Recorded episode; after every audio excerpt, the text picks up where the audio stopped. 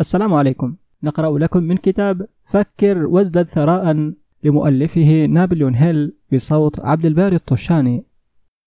ورشة عمل الشيطان.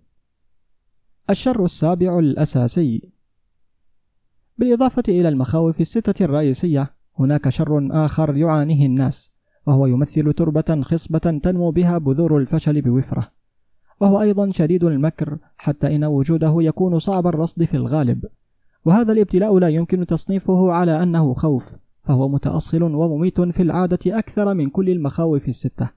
ورغبة لاسم أفضل دعنا نطلق على هذا الشر قابلية التعرض للتأثيرات السلبية. إن الناس الذين يجمعون ثروات عظيمة يحمون أنفسهم دوما من هذا الشر. أما المبتلون بالفقر فلا يفعلون ذلك مطلقا. وهؤلاء الذين ينجحون في أي مسعى لا بد أن يعدوا عقولهم لمقاومة هذا الشر. إن كنت تقرأ هذه الفلسفة بغرض جمع الثروات لا بد لك أن تتفحص نفسك بحرص شديد لتتبين ما إذا كنت عرضة للتأثيرات السلبية. وإن تجاهلت هذا التحليل الذاتي ستخسر حقك في الحصول على الأشياء التي تبغاها. أجري بحث التحليل وبعد أن تقرأ الأسئلة المعدة لهذا التحليل الذاتي أعقد العزم على الإجابة عنها بصدق. فلتخض المهمة بحرص كما كنت لتفعل عند البحث عن أي عدو. تعرف أنه ينتظر ليعد لك كمينا. تعامل مع أخطائك كما لو كانت تتعامل مع عدو ملموس. يمكنك بسهولة حماية نفسك ضد لصوص الطريق السريع لأن القانون يفرض تعاونا منظما لصالحك. ولكن الشر السابع الرئيسي أصعب في التغلب عليه فهو يداهمك عندما لا تكون مدركا لوجوده. عندما تكون نائما وفي أثناء استيقاظك علاوة على هذا فسلاحه غير ملموس لأنه يشتمل على حالة عقلية فحسب. وهذا الشر خطير أيضا لأنه يداهم في أشكال مختلفة عديدة تتساوى في عددها مع عدد التجارب البشرية وهو يدخل العقل في بعض الأحيان من خلال الكلمات حسنة النية لأقارب الشخص وفي أوقات أخرى فإنه يأتي من داخل الفرد. عبر توجهه العقلي وهو مميت دوما كالسم رغم أنه قد لا يقتل بالسرعة نفسها كيف تحمي نفسك من التأثيرات السلبية؟ كيف تحمي نفسك من التأثيرات السلبية سواء تلك التي تصنعها أنت أو الناتجة عن أنشطة الأشخاص السلبيين من حولك؟ ضع في ذهنك أنك تمتلك قوة الإرادة استخدمها دوما حتى تبني جدارا من المناعة ضد التأثيرات السلبية في عقلك. فلتدرك أننا جميعا بطبيعتنا كسولون ولا مبالون وعرضة لكل الإيحاءات التي تتلاءم مع نقاط ضعفنا. ضع في ذهنك أنك بسبب طبيعتك عرضة لجميع المخاوف الستة الرئيسية. جهز عادات بغرض دحض كل هذه المخاوف. فلتدرك أن التأثيرات السلبية تخترقك في العادة عبر عقلك الباطن ومن ثم يصعب رصدها. فلتغلق عقلك أمام كل الأشخاص الذين يصيبونك بالإكتئاب أو يثبطون من عزمك بأي شكل من الأشكال. فلتبحث عن صحبة الأشخاص الذين يدفعونك للتفكير والتصرف نيابة عن نفسك. لا تتوقع المشكلات حيث إنها تنزع لعدم تخييب ظن من ينتظرها. بدون شك أكثر نقاط الضعف شيوعا لدى جميع البشر هو عادة ترك عقولهم مفتوحة أمام التأثير السلبي للآخرين ونقطة الضعف هذه هي الأكثر تدميرا لأن معظم الناس لا يدركون أنهم مبتلون بها والعديدون ممن يدركون وجودها يهملون أو يرفضون تصحيح الشر حتى يصبح جزءا خارجا عن نطاق السيطرة من عاداتهم اليومية. ولمساعدة هؤلاء الذين يبغون رؤية أنفسهم على حقيقتها تم إعداد قائمة الأسئلة التالية. اقرأ الأسئلة وأجب عنها بصوت عال حتى تستطيع سماع صوتك وهذا سيجعل من السهل عليك أن تكون صادقا مع نفسك أسئلة اختبار تحليل الذات هل تشكو عادة من الشعور السيء؟ وإن كانت هذه هي الحال فما السبب؟ هل تنتقد الناس دوبا نتيجة لأقل استفزاز؟ هل عادة ما ترتكب أخطاء في عملك؟ وإن كانت هذه هي الحال فلماذا؟ هل تتهكم على الآخرين وتهينهم في حواراتك معهم؟ هل تتجنب عن عمد مصادقة أي شخص؟ ولماذا؟ هل كثيرا ما تعاني عسر الهضم؟ وما السبب؟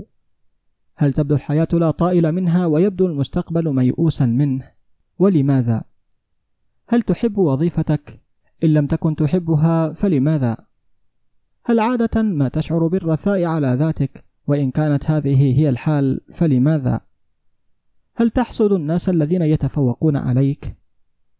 لأيهما تكرس معظم وقتك؟ التفكير في النجاح أم التفكير في الفشل؟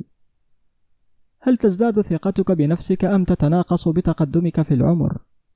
هل تتعلم شيئا قيما من جميع أخطائك؟ هل تسمح لأحد أقاربك أو معارفك بإثارة قلقك؟ ولماذا؟ هل تحلق أحيانا في السماء وفي أحيان أخرى تسقط في ظلمات اليأس؟ من أكثر شخص يلهمك؟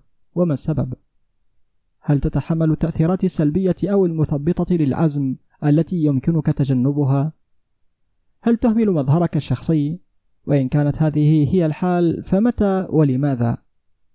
هل تعلمت كيف تحجب مشكلاتك بشغل نفسك بشدة حتى لا تشعر بإزعاجها؟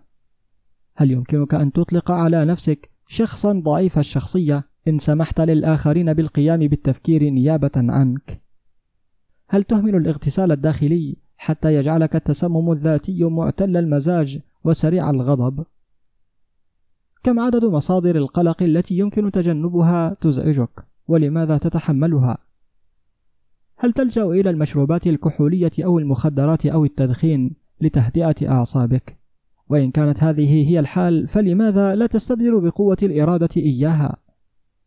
هل يزعجك أي شخص؟ وفي هذه الحالة لأي سبب؟ هل لديك هدف رئيسي محدد؟ وفي هذه الحالة ما هو؟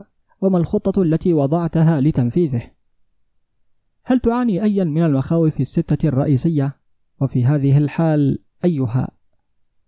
هل لديك طريقة لحماية نفسك من التأثير السلبي للآخرين؟ هل تعمد إلى استخدام الإيحاء الذاتي لتجعل عقلك إيجابيا؟ أيهما تقدر أكثر؟ ممتلكاتك المادية أم امتياز سيطرتك على أفكارك؟ هل يؤثر الآخرون عليك بسهولة بما يتعارض مع حكمك على الأمور؟ هل أضاف اليوم أي شيء ذي قيمة لمخزون معرفتك أو حالتك الذهنية؟ هل تواجه بإنصاف الظروف التي تجعلك تعيسا أم أنك تتحاشى المسؤولية؟ هل تحلل كل الأخطاء والإخفاقات وتحاول الاستفادة منها أم أنك تتظاهر أن ذلك ليس واجبك؟ هل يمكنك تحديد ثلاث من أكثر نقاط ضعفك دمارا وما الذي ستفعله لتصحيحها؟ هل تشجع الآخرين على غمرك بما يشعرون به من قلق كي تتعاطف معهم؟ هل تختار من بين تجاربك الشخصية دروسا أو تأثيرات تساعدك على إحراز تقدم شخصي؟ هل لوجودك تأثير سلبي على الآخرين بوجه عام؟ ما أكثر عادات الآخرين إزعاجا لك؟ هل تشكل آراءك بنفسك أم تسمح للآخرين بأن يؤثروا عليك؟ هل تعلمت كيف تخلق حالة ذهنية يمكنك حماية نفسك بها ضد كل التأثيرات المحبطة؟ هل تلهمك وظيفتك بالإيمان والأمل؟ هل أنت مدرك أنك تمتلك قوى روحية ذات طاقة تكفي لتمكينك من الحفاظ على عقلك محررا من كل أشكال الخوف؟ هل يساعدك دينك على التمتع بعقل إيجابي؟ هل تشعر بأنه واجبك أن تشارك الناس فيما يقلقهم؟ ولماذا؟ إن كنت تؤمن بأن الطيور على أشكالها تقع، ما الذي تعلمته عن نفسك من خلال دراستك للأصدقاء الذين تجذبهم؟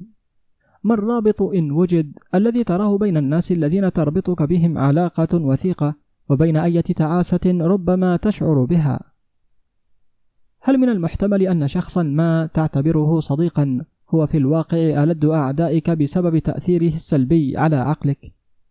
بأية قواعد تحتكم لمعرفة من هو الشخص الذي يساعدك ومن الذي يدمرك؟ هل رفقاؤك الحميميون يفوقونك من حيث القدرة العقلية أم أنك أنت من تفوقهم؟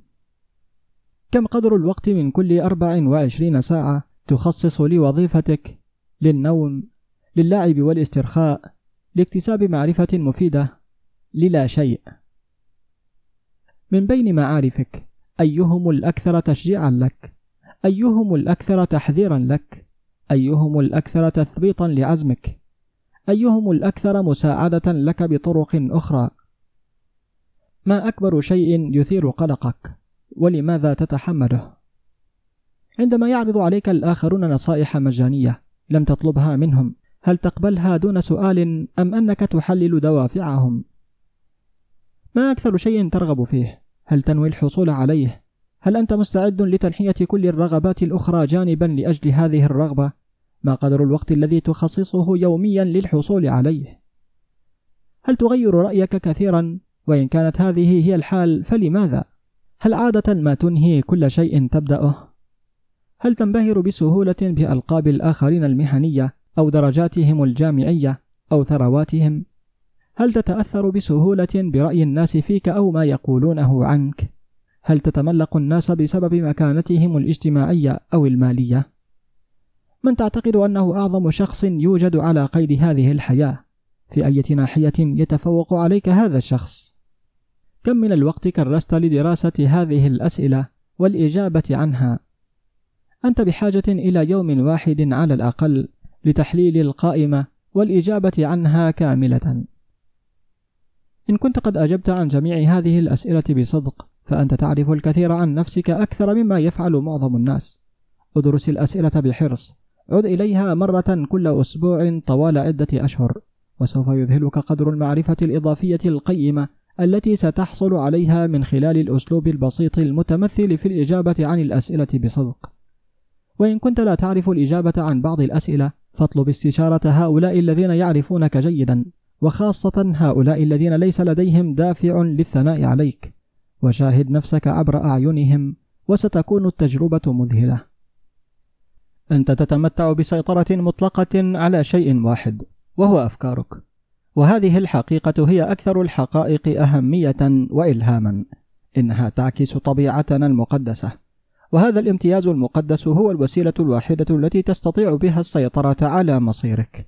وإن فشلت في السيطرة على عقلك فعليك أن تثق بأنك لن تسيطر على شيء آخر. فإن كان ينبغي عليك أن تتعامل باستهتار مع ممتلكاتك فلتفعل ذلك مع ممتلكاتك المادية. وعقلك هو ملكيتك الروحية.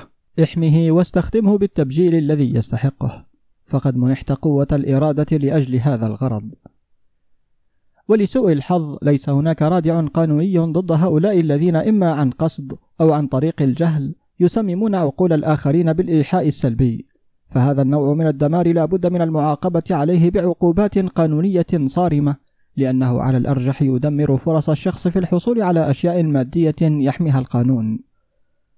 وأصحاب العقول السلبية حاولوا إقناع توماس إي إديسون أنه ليس بوسعه تصنيع ماكينة تسجل وتنسخ الصوت البشري لأنه حسب ما قالوا لم يسبق لأحد قبل ذلك أن صنع مثل هذه الآلة. ولم يصدقهم إديسون فعرف أنه بإمكان العقل تصنيع أي شيء يمكنه إدراكه والإيمان فيه. وهذه المعرفة كانت الشيء الذي ارتقى به فوق باقي الناس العاديين. وأخبر الناس من أصحاب العقول السلبية اف دبليو وولورث أنه سيفلس إذا ما حاول أن يفتتح متجرا يبيع كل شيء بخمسة إلى عشرة سنتات وهو لم يصدقهم. فعرف أن بوسعه القيام بأي شيء في حدود المنطق إن دعم الخطط بالإيمان وبممارسته حقه في إخراج إيحاءات الآخرين السلبية من عقله. استطاع جمع ثروة تقدر بأكثر من 100 مليون دولار. وأخبر رجال يملكون عقولا سلبية جورج واشنطن أنه ليس بوسعه أن يأمل في تحقيق النصر في معركة يخوضها ضد قوات بريطانيا الأقوى ولكنه مارس حقه المقدس في الإيمان. وشرع المتشككون في التهكم على هنري فورد وازدرائه عندما جرب أول سيارة ذات تصميم أولي في شوارع ديترويت. فبعضهم قال إن هذا الشيء لم يكن عمليا قط وبعضهم الآخر قال إنه ما من أحد سيدفع نقودا لشراء مثل هذه البدعة.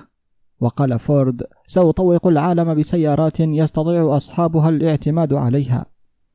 وقد فعل وقراره في الوثوق بحكمه على الأمور ساعده على جمع ثروة لا تستطيع خمسة أجيال تالية بأكملها إنفاقها. وقد أتينا على ذكر هنري فورد أكثر من مرة لأنه مثال مذهل على ما يمكن لشخص يمتلك عقلا خاصا به وإرادة للسيطرة عليه تحقيقه. فسجله يحطم القاعدة التي ترسي فوقها الحجة الرثة. لم أحظى بفرصة قط ولم يحظى فورد بفرصة أيضا ولكنه خلق فرصة ودعمها بمثابرة حتى جعلته أثر الأثرياء. والسيطرة على العقل هي نتاج الانضباط الذاتي والعادة. وأنت إما تسيطر على عقلك أو يسيطر هو عليك فليست هناك تسويات. وأكثر الطرق عملية للسيطرة على العقل هي عادة شغله بهدف محدد والذي تدعمه خطة محددة. ادرس سجل الناس الذين حققوا نجاحا كبيرا وسوف تلاحظ أنهم يملكون سيطرة على عقولهم. علاوة على هذا إنهم يمارسون هذه السيطرة ويوجهونها صوب تحقيق أهداف محددة. ودون هذه السيطرة النجاح ليس ممكنا. خمسة وخمسون عذرا شهيرا. يملك الناس الذين يفشلون في تحقيق النجاح صفة مميزة مشتركة. إنهم يعرفون كل أسباب الفشل ولديهم ما يؤمنون بأنها أعذار محكمة لتبرير عدم قيامهم بأي إنجاز. وبعض هذه الأعذار حاذقة وبعضها تبرره الحقائق ولكن لا يمكن استبدال الأعذار بالمال. فيريد العالم معرفة شيء واحد. هل حققت النجاح؟ وتحوي قائمة تحليل للشخصية أكثر الأعذار استخداما وشيوعا. بينما تقرأ القائمة عاين نفسك بحرص وحدد كم واحدا من بين هذه الأعذار إن وجد تستخدم. وتذكر أيضا أن الفلسفة الواردة بهذا الكتاب تدحض كل واحد من هذه الأعذار. واحد فقط لو لم يكن لدي زوجة وأطفال. اثنان فقط لو كنت أملك تأثيرا كافيا. ثلاثة فقط لو لدي ما يكفي من المال. فقط لو كنت تلقيت تعليما جيدا. فقط لو أستطيع الحصول على وظيفة. فقط لو كنت أتمتع بصحة جيدة. فقط لو كان لدي الوقت. فقط لو كان الوقت أفضل. فقط لو فهمني الآخرون. لو كانت الظروف حولي أفضل. لو كنت أستطيع أن أعيش حياتي من البداية لو لم أخش ما سيقولونه. لو منحت فرصة. لو أمامي فرصة الآن. لو لم يتعمد الآخرون إيذائي وانتقادي. لو لم يحدث شيء لإيقافي لو كنت أصغر سنا. لو كان بإمكاني فعل ما أريد. لو ولدت ثريا. لو كان بيسعي مقابلة الأشخاص المناسبين. لو كنت أتمتع بالموهبة التي يتمتع بها غيري. لو استطعت الدفاع عن حقوقي. لو انتهزت الفرص السابقة. لو لم يثر الناس أعصابي. لو لم يكن علي رعاية المنزل والأطفال. لو استطعت توفير بعض المال. لو قدرني مديري. لو لدي شخص لمساعدتي. لو فهمتني أسرتي. لو كنت أعيش في مدينة كبرى. لو أستطيع حث نفسي على البدء لو كنت حرا لو كنت أتمتع بشخصية قوية لو لم أكن سمينا لو عرفت مواهبي لو استطعت أن أنال فرصة لو استطعت التخلص من ديوني لو لم أفشل لو عرفت كيف لو لم يعارضني الجميع لو لم أعاني كل هذه المخاوف. لو كان بوسعي الزواج من الشخص المناسب لو لم يكن الناس بهذا الغباء لو لم تكن أسرتي مبذرة إلى هذا الحد لو كنت واثقا بنفسي لو لم يكن الحظ ضدي لو لم أولد تحت النجمة الخاطئة لو لم يكن صحيحا أن ما هو مقدر له أن يحدث سوف يحدث لو لم أكن مضطرا للعمل بهذا الكد. لو لم أخسر نقودي. لو كنت أعيش في حي مختلف. لو لم يكن لدي ماض. لو كنت أملك مشروعا خاصا بي. لو ينصت الآخرون لي. والعذر الخامس والخمسون والأخير وهذا هو أكبر الأعذار فقط لو تحليت بالشجاعة لرؤية نفسي على حقيقتها سوف أكتشف ما الخطب بي وأصلحه. بعد ذلك ربما أحظى بفرصة للاستفادة من أخطائي وتعلم شيء من تجارب الآخرين. أعلم أن ثمة خطبا ما بي أو أنني كنت سأصبح الآن حيث يفترض لي أن أكون إن كنت أمضيت مزيدا من الوقت في تحليل نقاط ضعفي ووقتا أقل في التذرع بأعذار لإخفائها. إن التذرع بحجج لتبرير الفشل هي عادة قديمة قدم الجنس البشري وهي قاتلة للنجاح. لماذا يتشبث الناس بأعذارهم المدللة؟ والإجابة واضحة إنهم يدافعون عن حججهم لأنهم يخلقونها. والعذر هو طفل خيال المرء وإنها لطبيعة بشرية أن يدافع المرء عن طفل عقله. والتذرع بأعذار هو عادة متأصلة والعادات يصعب التخلص منها وخاصة عندما تكون بمثابة مبرر لشيء نفعله. وكانت هذه الحقيقة توجد بذهن أفلاطون عندما قال أول وأفضل انتصار هو قهر المرء لنفسه وأن تقهرك ذاتك من بين كل الأشياء هو أكثر الأشياء خزيا ووضاعة. وثمة فيلسوف آخر كان لديه الفكرة نفسها في عقله عندما قال كانت مفاجأة كبيرة لي عندما اكتشفت أن معظم القبح الذي أراه في الآخرين ليس سوى انعكاس لطبيعتي. قال ألبرت هوبارد طالما رأيت في تمضية الناس كثيرا من الوقت في خداع أنفسهم بالتذرع بأعذار لإخفاء نقاط ضعفهم لغزا كبيرا. فإن استخدم بشكل مختلف فسيكون هذا الوقت كافيا لعلاج نقطة الضعف ومن ثم لن تكون هناك حاجة لعذر. قبل أن أتركك أود أن أذكرك أن الحياة هي لوحة شطرنج واللاعب المنافس هو الوقت. وإذا ما ترددت قبل القيام بحركتك أو أهملت القيام بحركتك سريعا ستزاح أحجارك من فوق اللوحة بمرور الوقت فأنت تلعب أمام منافس لا يتحمل التردد.